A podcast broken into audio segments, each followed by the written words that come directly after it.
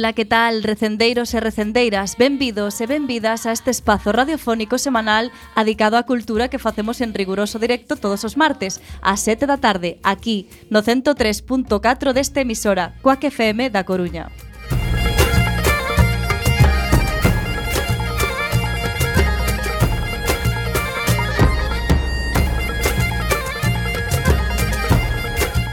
A agrupación cultural Alexandre Bóveda presenta este programa que podes escoitar polas ondas radiofónicas ou a través da internet e tamén en directo na páxina emisora cuacfm.org.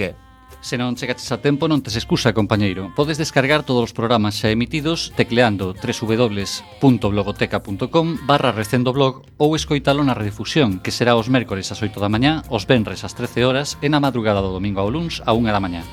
E a partir de agora seguídenos nas redes sociais, tanto no Facebook como no Twitter, arroba recendofm, onde queremos formar unha comunidade recendeira. Tamén podedes visitar o Facebook da agrupación en a.c.alexandre.bóveda. Sempre estar con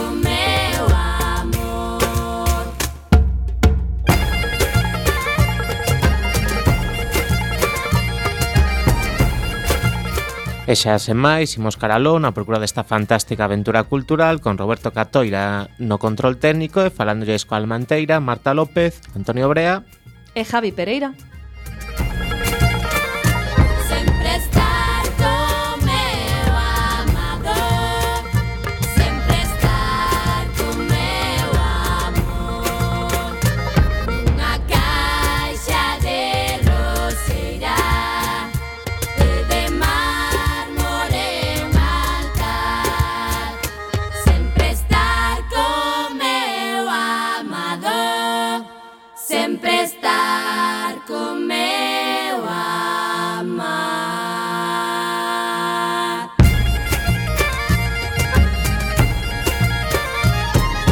Programa número 224. Hoxe estarán connosco tres participantes da Liga Nacional de Villarda, concretamente Luis Fontán, do equipo Filloas de Sangue, a Coruña, Xosé Collazo, do equipo do Campo da Feira, e José Gándara, que... De, de que equipo Filloas? Moi ben. E tamén teremos a sección de historia a cargo de Uxío Breogán Dieguez. Falaremos das actividades da nosa agrupación e das outras cousas que se fan na Coruña e na Galiza e que tamén son cultura. A música de hoxe, hai uns anos, editouse un dobre disco en homenaxe á Liga Nacional de Villarda. A primeira peza que imos escoitar hoxe titúlase A Moda Villarda e está interpretada polo grupo Galegoz.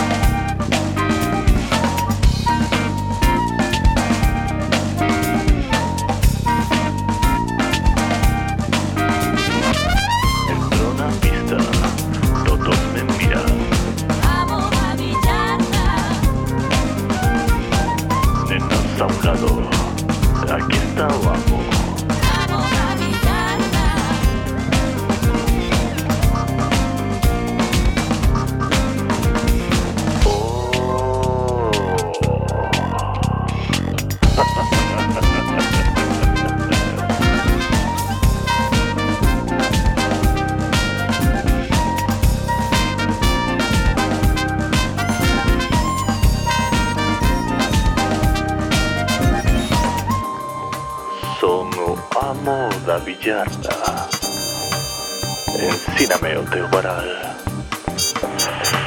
Oh, hizo gusta ya, o amor.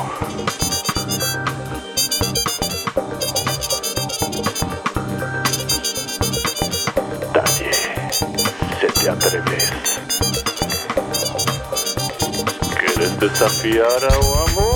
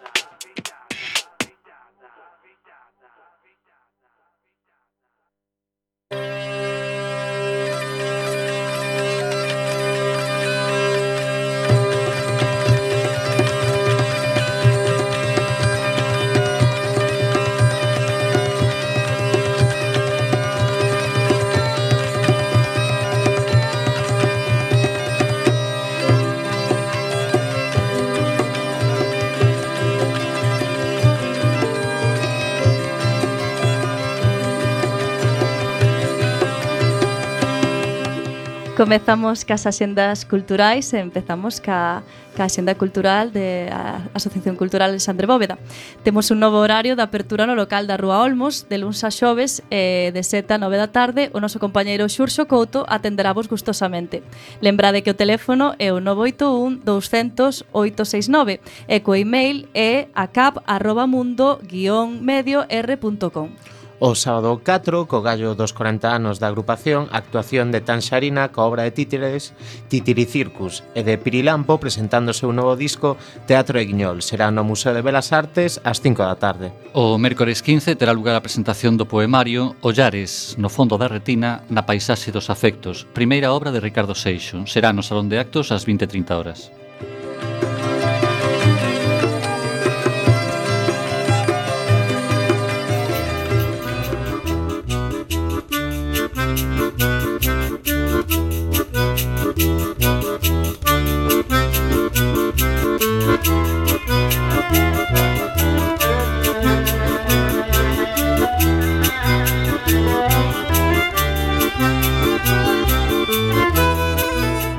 Imos agora ca Xenda da Coruña.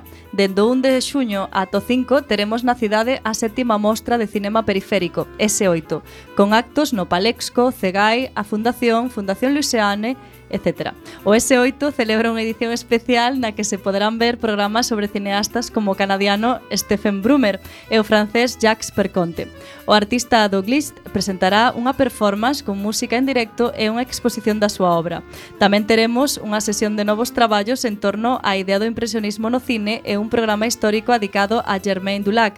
Haberá masterclass, encontros de cineastas, cortos galegos... Recomendamos ver datas e horarios concretos na páxina www www.soitocinema.com. O Benres 3 no Fórum Metropolitano ás 21 horas Como se pasara un tren. Unha comedia dramática escrita pola argentina Lorena Romanín e dirixida por Adriana Roffi.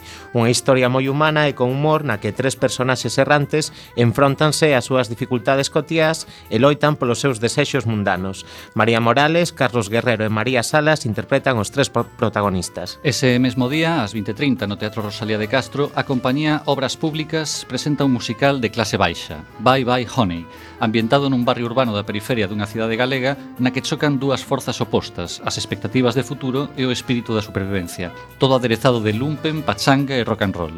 Música en directo e cos actores Yolanda Muiños, César Goldi, Carlos Mosquera Mos. O sábado 4 de xuño, na nave 1839, a partires das 19.30, Festa Fantasma Accidental. Señora Nido, máis pantis, máis ocre, máis anti-S.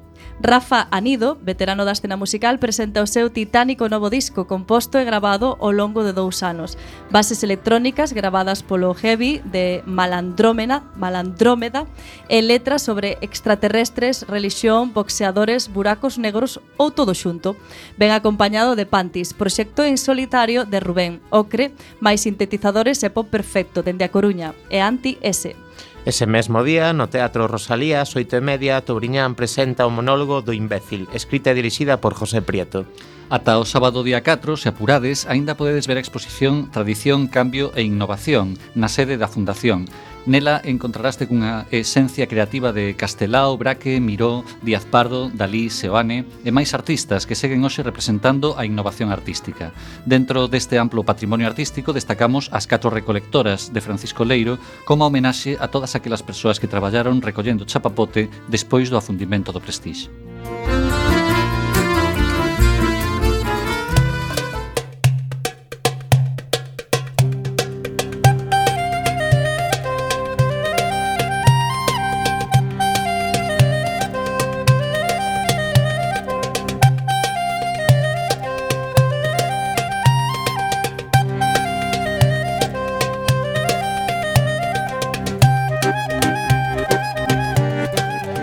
e a quenda agora da Xenda de Galiza. Empezamos por Lugo. Despois de varios meses visible, este sábado 4 clausúrase a exposición fotográfica de Javier Teniente, titulada Fillos do Océano, que se pode visitar na sede da Fundación. As imaxes retratan a forma de vida dos pescadores artesanais de todo o mundo, despois de percorrer vilas costeiras dos cinco continentes e consta de máis de 70 fotografías. O fotógrafo reivindica a necesidade de preservar os ecosistemas mariños. Viaxamos agora a Tourense, achégase o Festival Ouren Rock Sound 2016 no que actúan só grupos galegos e nos que xa están confirmados Heredeiros da Cruz, Daqui da Ría, Costas, Terbutalina, Super 8, Os Festicultores, Arritmia, Acid Project, Conflicto, 80 Voltios, Vergallazo, Xituma Batuque e Baboon Soul System. Hai zona de acampada, parking, bus lanzadeira e postos de comida e mercadiño. Será en Benposta os días 3 e 4 de xuño. Imos agora ata Pontevedra. Non o ides creer, pero na súa xuventude e con pseudónimo, Antón Chekhov escribiu textos humorísticos. A obra titúlase A Chus, e nela actúan figuras como Ernesto e Malena Alterio, Fernando Tejero ou Adriana Ozores. Será o Benres día 3 ás 21 horas no Pazo da Cultura. Imos agora a Santiago. Mike Farris ven presentar o seu disco Shine for All the People, que se publicou en 2015 gañou un Grammy como mellor álbum de raíces gospel. Co show eléctrico An Evening with Mike Farris and the Southland. Rhythm Review será o sábado 4 ás 21 horas na Sala Capitol. Pegamos un chimpo ata Vigo, Cristina Pato é gaiteira, pianista e compositora e interpreta a música popular galega, música clásica e jazz. Esther Viúdez é oboe co principal da Real Filarmonía de Galiza desde marzo do 2000. E as, súa, e as dúas van tocar coa Real Filarmonía de Galicia un programa con pezas de James Macmillan, Octavio Vázquez e Tchaikovsky. Será o Benres 3 ás 8 e media no Teatro da Fundación.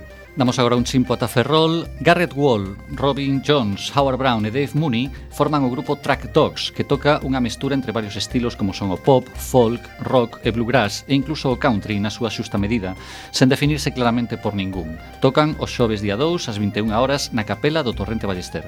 E hoxe, como novidade, viaxamos a Moaña. O grupo moañés Xardín Desordenado, que música obras de poetas galegos, actúa perto da súa casa. Será o sábado 4 ás 22.30 no local coñecido como Bar con V.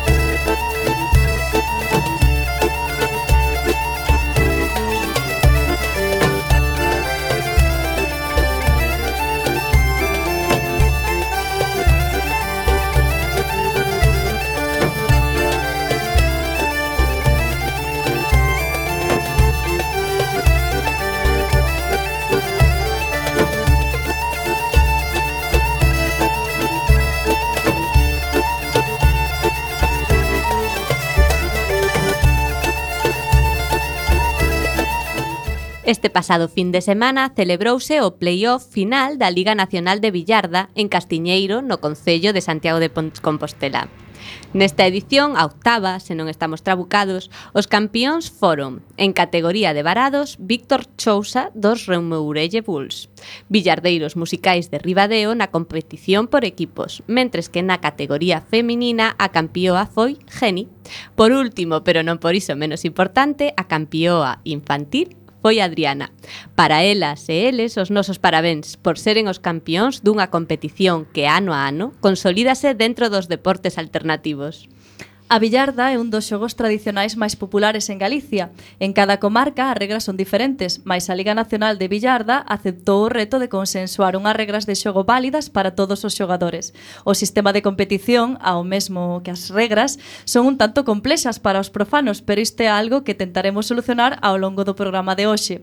Como introducción, diremos que os competidores están repartidos en cinco conferencias ao máis puro estilo da NBA. As conferencias son a Norleste, Noroeste, Sur, Centro e Rías Baixas. Os participantes repártense en catro categorías, absoluta, formada por equipos mixtos, a feminina e a infantil e a de varados, que poderíamos chamar individual.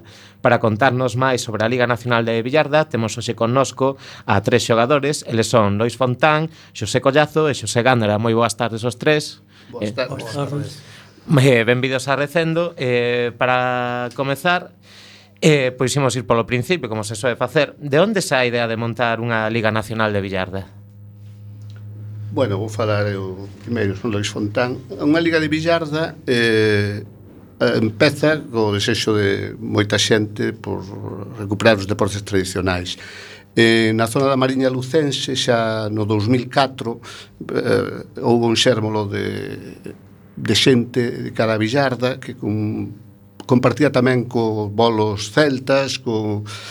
entonces empezaron a xogar eh, eh, formando xa tres equipos no primeiro ano, no dos, falamos do 2004, no 2007 chegan aquí a, a Coruña por contactos que había aquí con algunha xente que estaba aquí na universidade, en Coaque FM, como era SAC naquel momento. Bueno, en, en na zona da Mariña era Xermán Biluba, que un home xa coñecido, músico e eh, chegaron cun autobús aquí a Zapateira porque empezou aquí todo A Conferencia Noreste empezou neste polideportivo que tedes aquí ao lado. Para os ointes que non os saibades, sí, coa que está nun polideportivo, só extraño, pero é así. Ahora vimos que, que xogan aquí a outros deportes. Menos tradicionais. Menos tradicionais.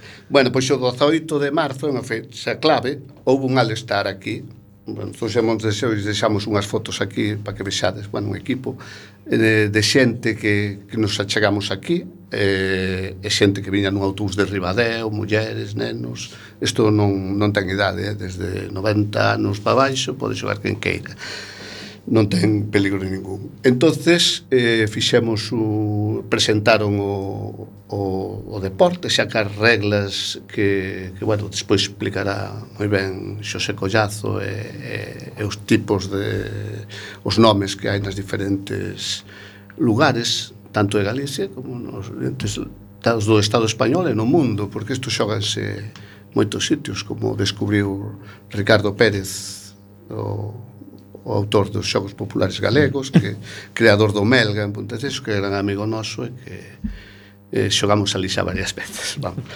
Entonces eh, fíxose isto no 2007, entonces creáronse Conferencia Noroeste, Norleste. Entonces, esa 2007-2008 foi o primeiro ano donde xa houbo no 2008 un playoff en Santiago, que era o primeiro.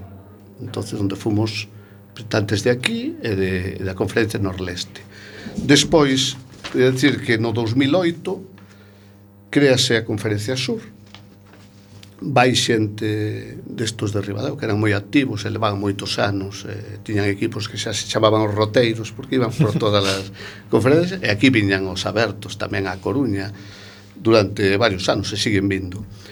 Eh, no 2009 crease a conferencia Centro con, con un dos equipos furabolos que empezou aquí era xente toda a zona de Santiago, cando deixaron aquí a universidade, como é xente maior, montaron ali unha conferencia. Eh, no 2010 Bezouqueira tamén houve un intento na zona de Ferrolterra pero que durou es un ano, dous E despois no 2011 a conferencia Rías Baixas que é a que sí que é onde penso despois me corrixe se quereras máis xente participa hai abertos que son 80 personas en cada domingo bueno, unha pasada. E no 2013 tamén con xente familiares de, de algunha xente de aquí que están por Andalucía fixeron unha conferencia en Andalucía que ven algunhas veces, están non viñeron pero veo varios anos aquí a xogar ao playoff a Santiago. E, bueno, é un pouco así... Non podemos podemos dicir que os promotores son esta xente arriba de os roteiros. Os que empezaron ao comenzo, sí, con Xermán, con outra xente ali e despois puxemos en contacto aquí con nós. É importante tamén no 2008 que se dá un premio a este ao grupo Ovaral, que era esta asociación cultural, Ribadeu, que é a que se encargou de de todo isto se lle dou un premio eh, da Xunta de Galicia ao deporte tradicional que se entregaron aquí no Rosalía. Nos fomos a unha xente a conferencia de invitados por esta xente de Ribadeo que foi Xermán Biluba que recibiu aquí o premio da, da Xunta de Galicia naquele momento. O xa que hai un montón de anos xa, casi 10 anos que, que se sigue traballando eh, nos tentamos de que non morra. Sí, nos ao comezo na introducción falamos de que a Liga comezaba no 2008 pero non, no 2007 cando comezou 2007-8 pero sí. no 8 é o primeiro playoff xa con dúas conferencias. Que... Sí, pero o ano que ven xa fai a Liga entón Eh, dez anos. Dez anos, sí, dez sí, anos. Sí, sí. E foi moi complicado lograr espallar as diferentes conferencias, porque claro, ao principio este nace na norleste e logo no noroeste, pero foi moi complicado que a xente se sumase a, a Liga Nacional. Penso que non, porque en todos os sitios eh, este deporte, a xente, por lo menos xente maior, eu recordo que son da Coruña, eh, cando era neno, nos anos 60, nos anos 60, eu teño xogado, a billar, aquí nas Coruñas xogábase. E, bueno, no, nos povos eh, Peixaco, na, na zona da costa, que Gándara, pois tamén, o sea, coñecían, no pase, eso, pasaron os anos que isto deixouse de xogar. O fútbol era máis importante, outras cousas, e as maquinitas despois, entonces, pero ahora hai moitos rapaces novos, e a xente maior sigue xogando, porque estudian en Santiago, pois, había, pero había moitos nenos, eh, E, bueno, iso é importante. Eh, estabas falando das competencias que das competencias, Jesús, das conferencias, sí. que son cinco conferencias. Sí. Cantos equipos e xogadores forman cada conferencia, sabes? Ou... Bueno, no, se aquí, por exemplo, somos tres equipos na zona na conferencia nosa. Eh, uh -huh. Na Coruña estamos os Filloas, bueno, está o campo da Feira de Peisaco e están os cochiqueiros na Lara, digo, en Cerceda que puxemos ese nome porque desmenteron a lisogama, eh, non? eh, bueno, non está ningún aquí, pero son moi activos e unha xente que traballa moi ben. Está a Asociación eh, Cultural en Cerceda e, e bueno, xente que, que traballa moito polo... E bueno, aquí os compañeros poderán estenderse un pouco máis bueno, sobre todo nos aspectos técnicos e, e como é o... Coñeces máis a historia de, da, da Noroeste que a min Pero se, por, por exemplo, cantos partidos xogades, máis ou menos? Xogamos 12 xornadas. Empezase no mes de outubro e remátase no, no mes de maio. E, bueno, non son todas as semanas, non fais un calendario ao comezo da liga, e deseñanse as, as sedes onde, onde xogamos, e xa digo, de, de outubro a, a maio, uh -huh. que remata. En un equipo, cantos xogadores hai? Pois, por exemplo, agora no campo da feira de Paiosaco somos oito. Uh -huh. Temos un neno, un infantil, e non temos ninguna muller, cousa que non... Facemos un chamamento aquí. Efectivamente. O ano pasado sí que houbera outro equipo que se chamaba Llardis da Laracha e había mulleres e había rapazas nenas xogando tamén, pero bueno, eso foi xente que marchou por diversos motivos, E entón, eh, esta, esta liga pasada, porque cando decimos 2008, 2009 ou 2000 neste, neste ano, 2015-2016, é que comeza no 2015 ou no, no ano tal e pasa ao seguinte, porque de outubro pasa a, a, a maio. Sí, como a Liga de Fútbol. Sí. Exactamente. Eh, e necesitas algún requisito para participar na Liga? Simplemente a chegarse, bueno, cando hai un, un aberto, un un aberto chamase a, a liga tamén, o sea, uh -huh. calquera persoa que, que se interese en, en, bueno, en coñecer o, o xogo, hoxe en día hai moita información na internet tamén por polo, polo Barale, pola todo el LNB Villar, da, onde están todos os enlaces das conferencias e dos equipos e de, de toda, toda a información que hai sobre o xogo e a chegarse a, por exemplo, aquí na Coruña que xogamos na Zapateiro, xogamos aí na, en a Cia da Má, calquera que se acerque por ali, aínda que non teña o, o material de xogar, pode, pode participar. Pois nada, agora imos co seguinte tema musical que é Días Raros, de Miguel Alonso.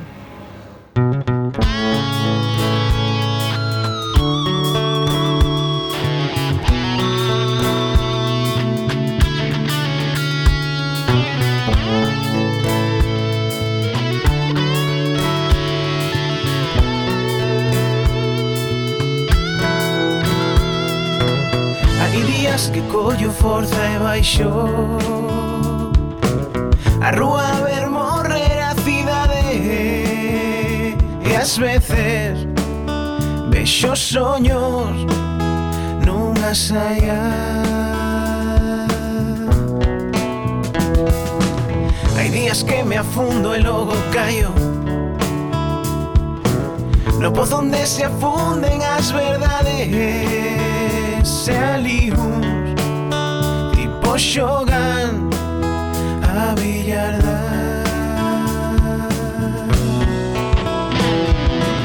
E coi un pau e doi un duro golpe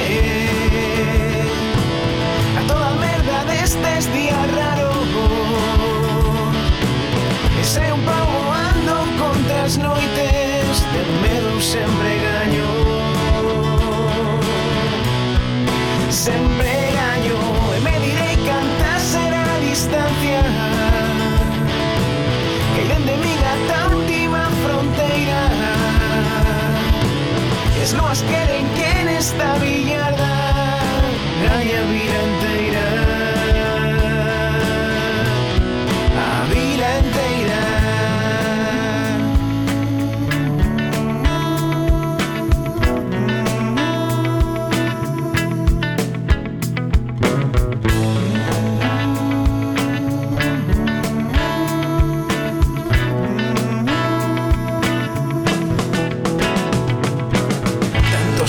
desperté y en blanco enero.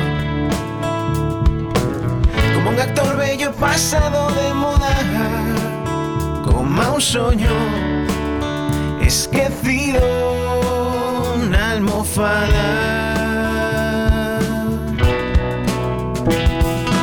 De todas esas fantasmas que alimento, fugiron cuando soñé y como Shogun os deu ser. e os demos a billardar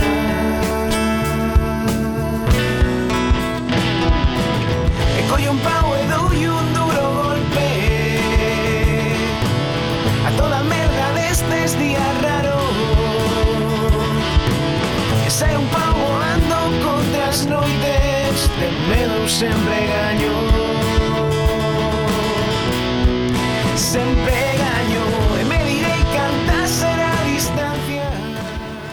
Continuamos aprendendo máis sobre a billarda con Luis Fontán, Xosé Collazo e José Gándara.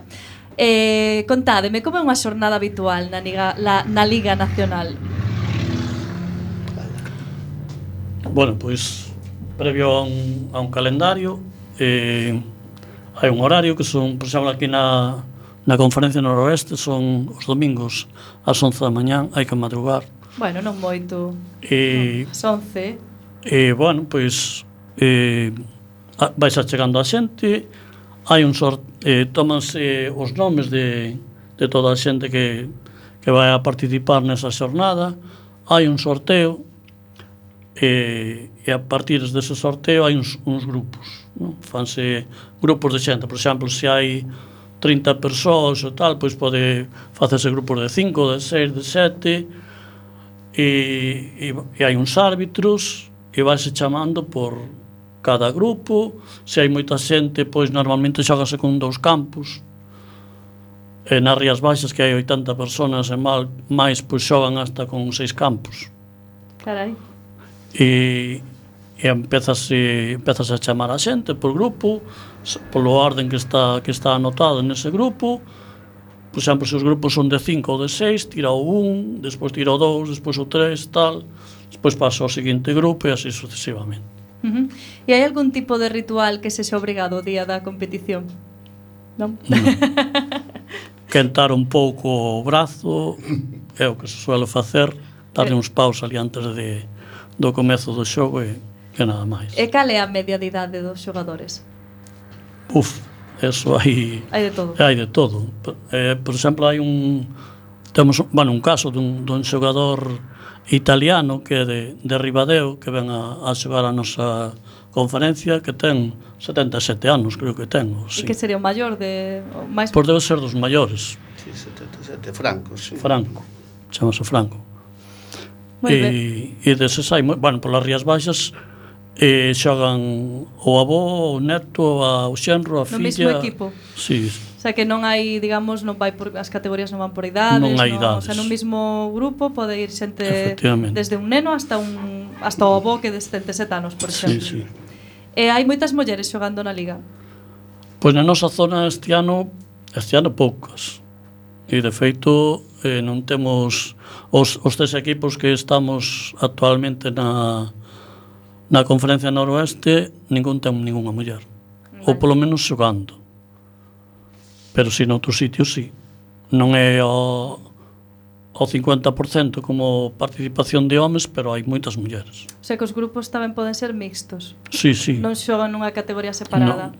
Eso despois para, por exemplo, nos playoffs, sí, que hai o, hai o absoluto, hai o, o feminino, que houve protestas e de feito houve o ano pasado de, de moitas mulleres eu aí entendo, non sei se como, como deporte machista ou to que non é que de feito hai mulleres que xogan como os homens mellor e lle poden ganar a calquera home pero teñen eso o apartado de feminino tamén que algunhas molestas uh -huh. que poden competir no, no misto, no absoluto homens e mulleres e de feito este día no playoff había unha muller que tuvo hasta, hasta casi o final. O sea, non hai diferencia. A hora de xogar, eh, a forza non conta, por exemplo, máis eh, non. a habilidade. Sí, Efectivamente. Na introdución á entrevista, bueno, antes de pasar á seguinte pregunta, tamén temos que dicir que Xesús Collazo neste playoff eh, acadou unha moi bo resultado, se non me trabuco, segundo en varados, terceiro. Eh, terceiro en varados e segundo, e segundo en absolutas. absolutas. Case, case campeón. Dara boa. No, é que foron o desempate. Eh? Ui. O sea, unha carreira cada un, e na última hai unha, así. unha oportunidade, se fallas, non hai non se perdona, non hai dúas. Como a penaltes. o comezo da, da entrevista dicíamos que A billarda ten diferentes regras segundo case case que a comarca na que se practica o deporte. Entón a Liga Nacional tivo que facer un esforzo por conseguir un, un reglamento consensuado para todos os xogadores. Eh, cal foi o criterio que, que guiou o regulamento que existe agora mesmo na Liga? Bueno, eu que non sei. No, o criterio en principio visto máis do, toda a seguridade é que todo o mundo, todas as conferencias, despois hai un playoff ao final que se rexiran por as mesmas regras, porque senón cada un xoga na súa zona con as dimensións de campo, con uns, cun número de carreiras, a carreira é, é mentras sales da, da saída hasta chegas a esa por, especie de portería que hai o remate, é o que é unha carreira, hasta quedas metido, non? Entonces, ao principio tamén había innumerables golpes, agora son son catro ou cinco golpes dependendo do sitio. Se non a metes neses golpes, No, para que a xente se faga un pouco unha idea de, co de como se xoga na Liga Nacional eh, se non se nos podes explicar como sería, por exemplo, unha partida entre equipos? Como, como quen é o gañador cantas carreiras teñen que dar eh, como se consigue un varado eh, todos os pequenos detalles. Bueno, pois vamos a ver. Temos aquí o, o subcampeón para explicar. aquí non hai, somos todos, bueno. E un campo de un campo de billar, un campo regulamentario ao aire libre son 50 metros de, de longo por 20 de ancho e ao final or, bueno, dun, no extremo do campo hai un, unha portería que son dous paus, especie de unha portería de rugby pero sin, sin ningún pau outra vez, chama varal que mide 3 metros 60 e, e bueno, consiste en na, na zona de no, no, no extremo oposto a portaría ao varal eh, por orden por orde de alternativo vai tirando un, vai tirando o seguinte e tal e así hasta que hasta que se chega ao Hai só unha portería. Só unha portería. Uh -huh. E iso hasta que se chega á portería, unha vez que entra a Villarda na portería, que se chama Varal, pois acabouse esa carreira. E xogase, normalmente nós xogamos a cinco, cinco carreiras. Rematan as cinco carreiras e os, e os grupos que se acordaron ao, ao comenzo, según o, a participación que houbera, súmanse os puntos e despois vaise, vaise descalificando. Por exemplo, Nos o que facemos, os grupos son de, de cinco ou de seis, dous quedan fora xa no primeiro no primeiro golpe, non? Mm. E os, os, os que acaden máis máis puntuación son os que pasan á seguinte ata o remate que, que quedan dous. Dous ou dúas ou unha ou unha. Entón, claro, ele comeza alguén tirando, dalle o primeiro golpe a Villarda, e onde cae a Villarda, ese sitio, digamos, que, que se apunta, e logo comeza outro xogador. Entón, cada un vai tirando, e teñen cinco intentos cada un. Sí. Catro ou cinco? Aquí son aquí cinco. cinco. No nacional houve catro. Houve catro. Sí, catro, pero aquí na nosa xogamos con cinco. Bueno, é importante decir o, de, o das puntuacións, porque mm. tiras cinco. Bueno, se si desde a salida o metes o primeiro intento, que non decía, eso é un varado que se chama. Se o metes dun golpe, é un varado. Se en terreo duro, como unha pista de como esta de aquí e tal, é máis fácil porque rebota Vai botando, igual que unha de terra, mm. evidentemente. Entonces, eh, o primeiro que entra, por exemplo, os equipos máis normais son de seis, de seis xogadores, non? Pasaban o que di Xosé, pasaban catro, despois ao remate das cinco carreiras, pero bueno, en cada carreira, o primeiro que entra leva seis puntos. Mm. Danse según o número xerado é seis. O se, si entra alguén nese mismo golpe, leva outros seis puntos. Por exemplo, entra no primeiro golpe, para seis e seis. O terceiro, se non entra no mismo golpe, xa serían catro puntos. Porque se darán de seis a cero, daríanse puntos. Claro, se entran tres con, co mesmo golpe, son 666, quedaría 654, 3, 2 e 1 para o cuarto, porque non o metería no mesmo golpe, non pode levar os mesmos puntos. E despois o remate, súmanse esas cinco carreiras, eu que teña máis puntos é o primeiro de grupo. Segundo, terceiro e cuarto, os dous últimos quedan fora, porque despois o que facemos é facemos eh, xa cartos de final, que facemos moitas veces, porque son catro grupos, pois hai 16, pois fanse o primeiro, de, de un grupo co cuarto de outro, o segundo co terceiro de outro, así, os primeiros cos cuartos. Sí, de, de, mane de bueno, maneira habitual. E fanse xa carreiras por parexas. Con eses dous fanse un calendario, non sei se traerías aquí unha nota onde hai, bueno, onde se ven, onde vamos poñendo os xogadores que queda. Entonces, esas xa son a, a mellor de dúas carreiras. Entón, entonces, fan fan a carreira se gana unhas dúas, se a se gana unha empatan. Empata quer decir que entren nos mesmos golpes.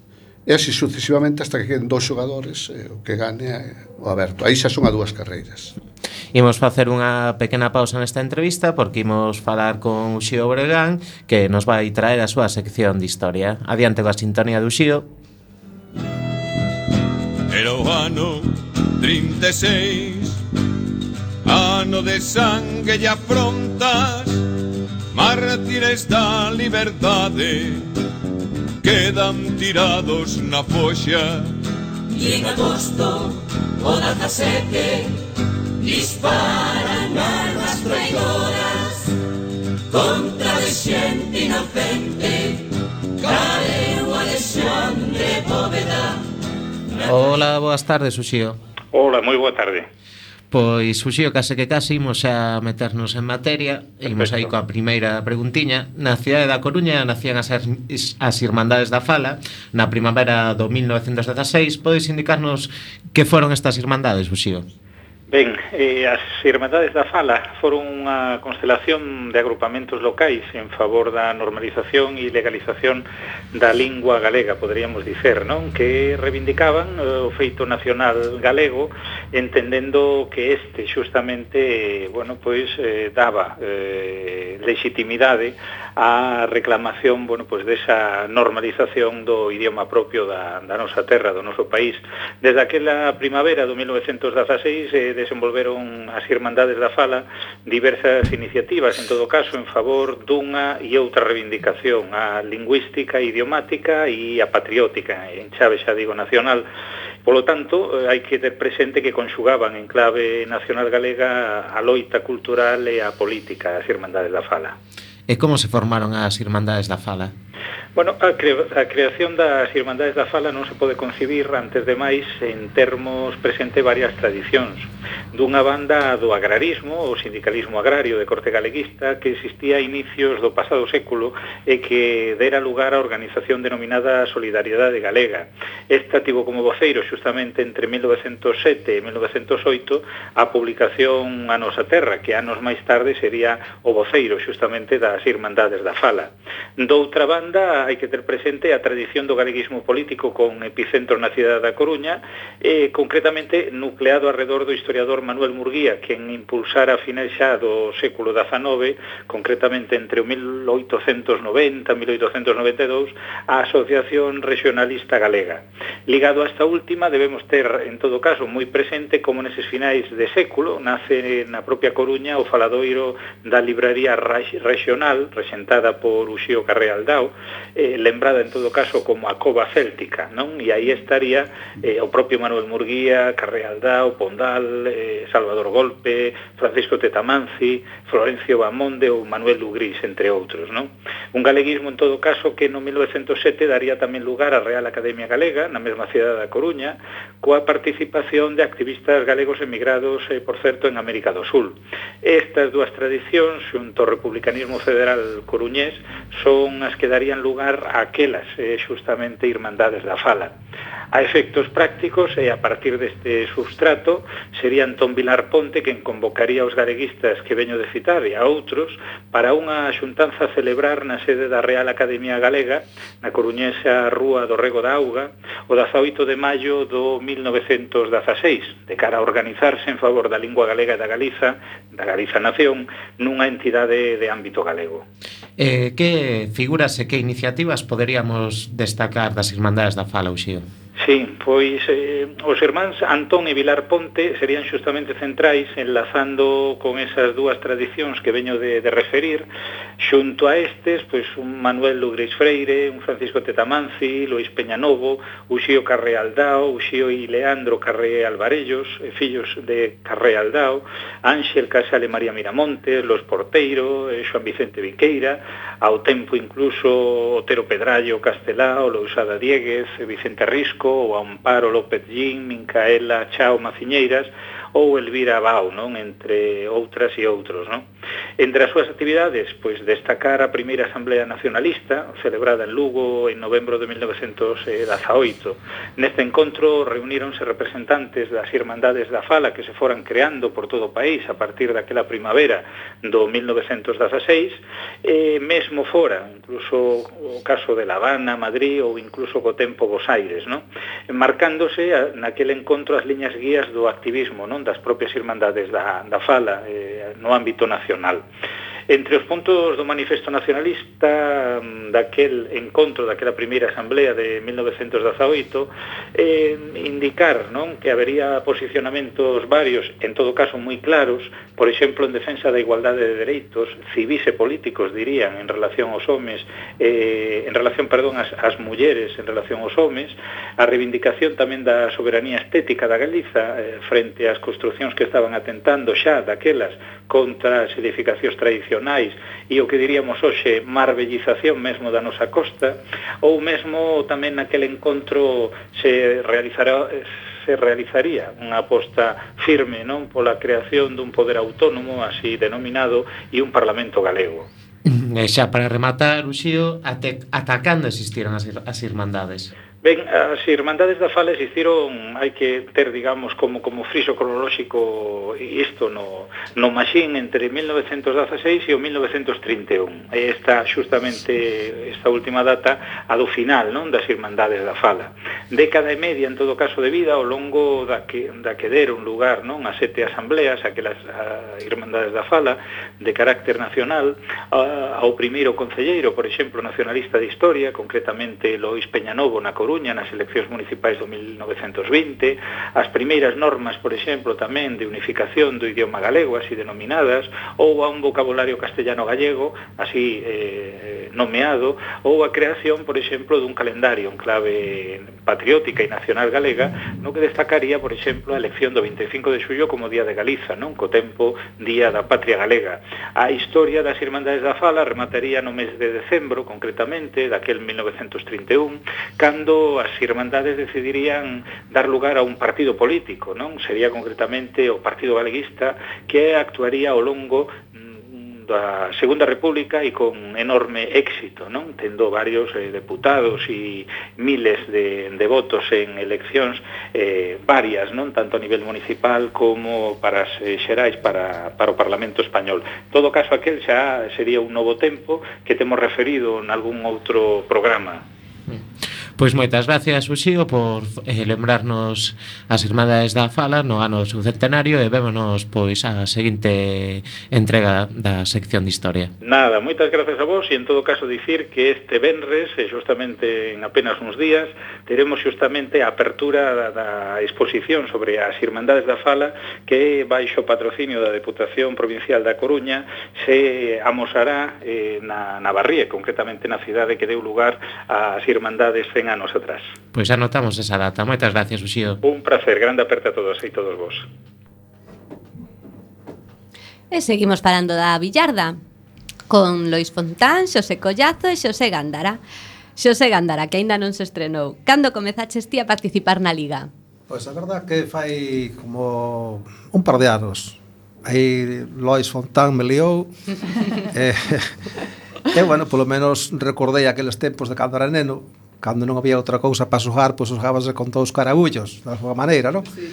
Eh, pois eso, antes non había fútbol, ou sea, polo menos a nivel aldea.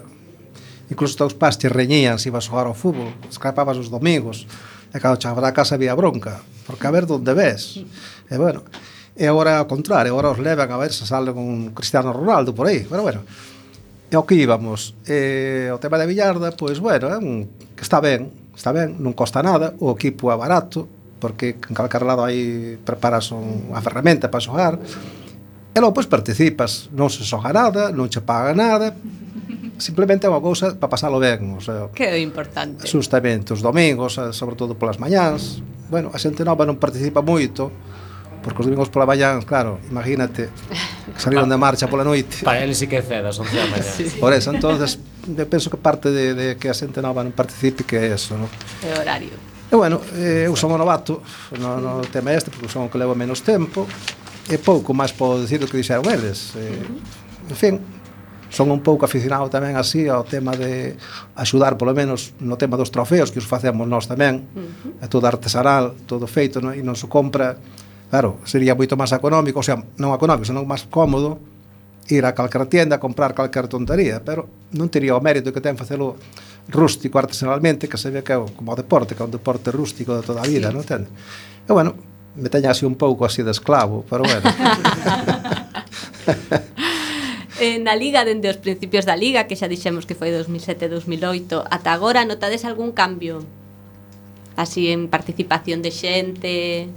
Bueno, os picos que contaba ao principio, foi un boom o nos primeiros anos eh, despois debido a que marchou xente das conferencias debido a un cambio eso que falaba ahora das mañás nos o, o comenzo cando estamos aquí xogábamos pola tarde ás 4 e media entón había moita máis xuventude pois o do domingo claro nos protestaban porque non podían dormir tal, empezou a baixar. Esa tamén foi unha un aspecto que foi importante.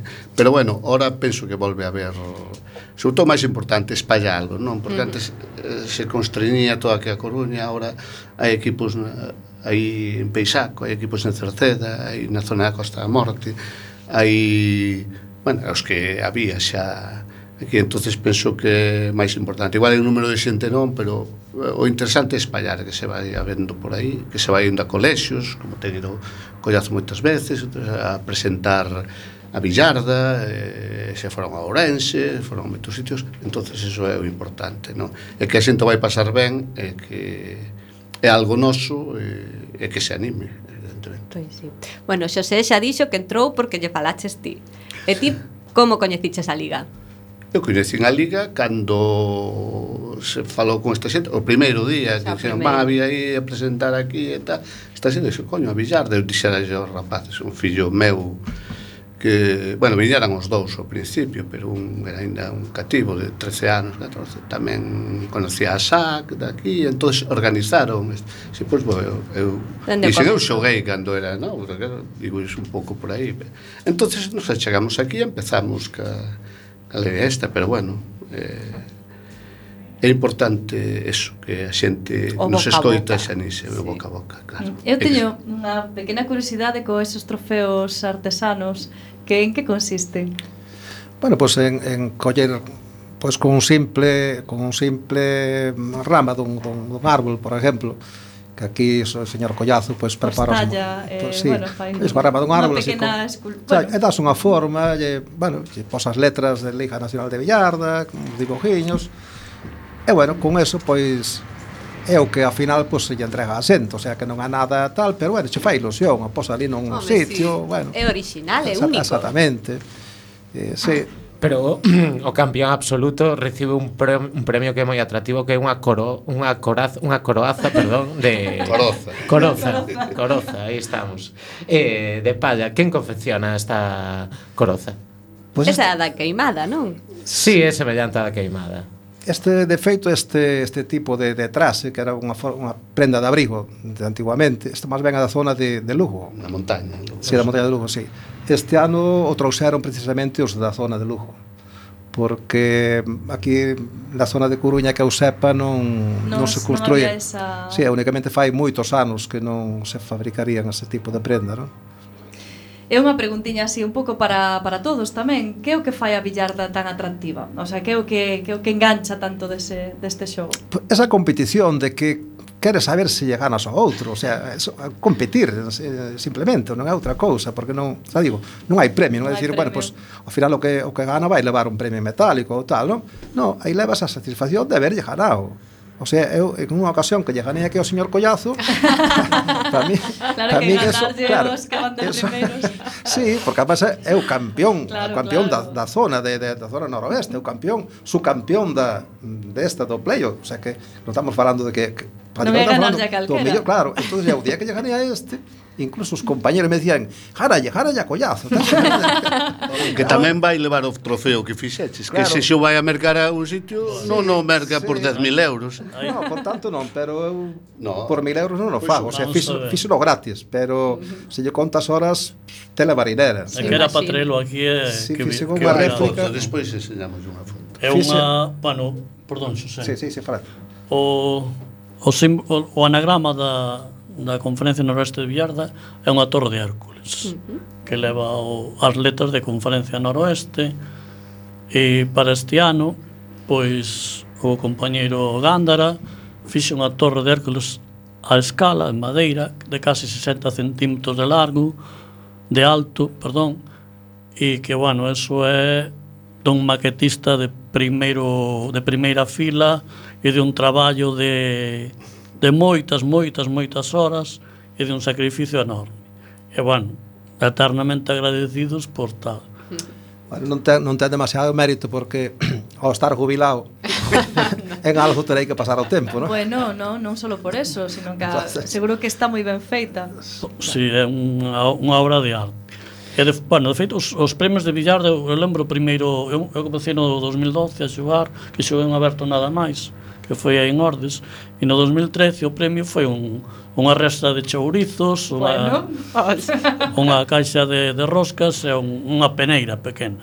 Carai. E son os premios así, pois hai o, a galiña de Mos que se xoga en nunha zona de Lugo, un, un coello en Remourelle, e eu dos animais vivos non me gusto. No, Xa claro. digo personalmente non me gusta. O año mouro, sí. O año mouro, e E así. Xa nos queda moi pouco tempo. Imos lembrarlle a xente da cidade onde pode ir para aprender a xogar a billarda e se lles gusta apuntarse á Liga Nacional. Dicíamos en Acea da Má e tamén onde vos reuníades para xogar. E podíamos facelo na, na Sardiñeira, que xogamos algún... E despois xogamos na, nas zonas onde hai equipos, e onde se, se quere introducir, onde hai interés pola xente entonces temos ido eso a Laracha, temos ido a Ponteceso, en Laxe facemos un aberto sempre, entón toda a xente que, que sea de calquer zona desas eh, pode ir. E o, o, o máis importante é que cando se fai isto sempre facemos como no rugby un terceiro tempo. Entón despois a xantar todos xuntos, sea do equipo que sea, e, e, e moi ben, o ambiente é moi bo. Pois moitas gracias tanto a Lois Fontán, Xosé Collazo e a Xosé Gándara por vir hoxe ata recendo e falarnos un pouco da Villarda da Liga Nacional. Grazas a vos. Gracias a vos. E sen tempo para máis odiseas imos chegando ao fin do camiño deste recendo. Despedimos o programa de hoxe agradecendo aos nosos convidados que, como sempre, son de honra. Hoxe tivemos a José Collazo,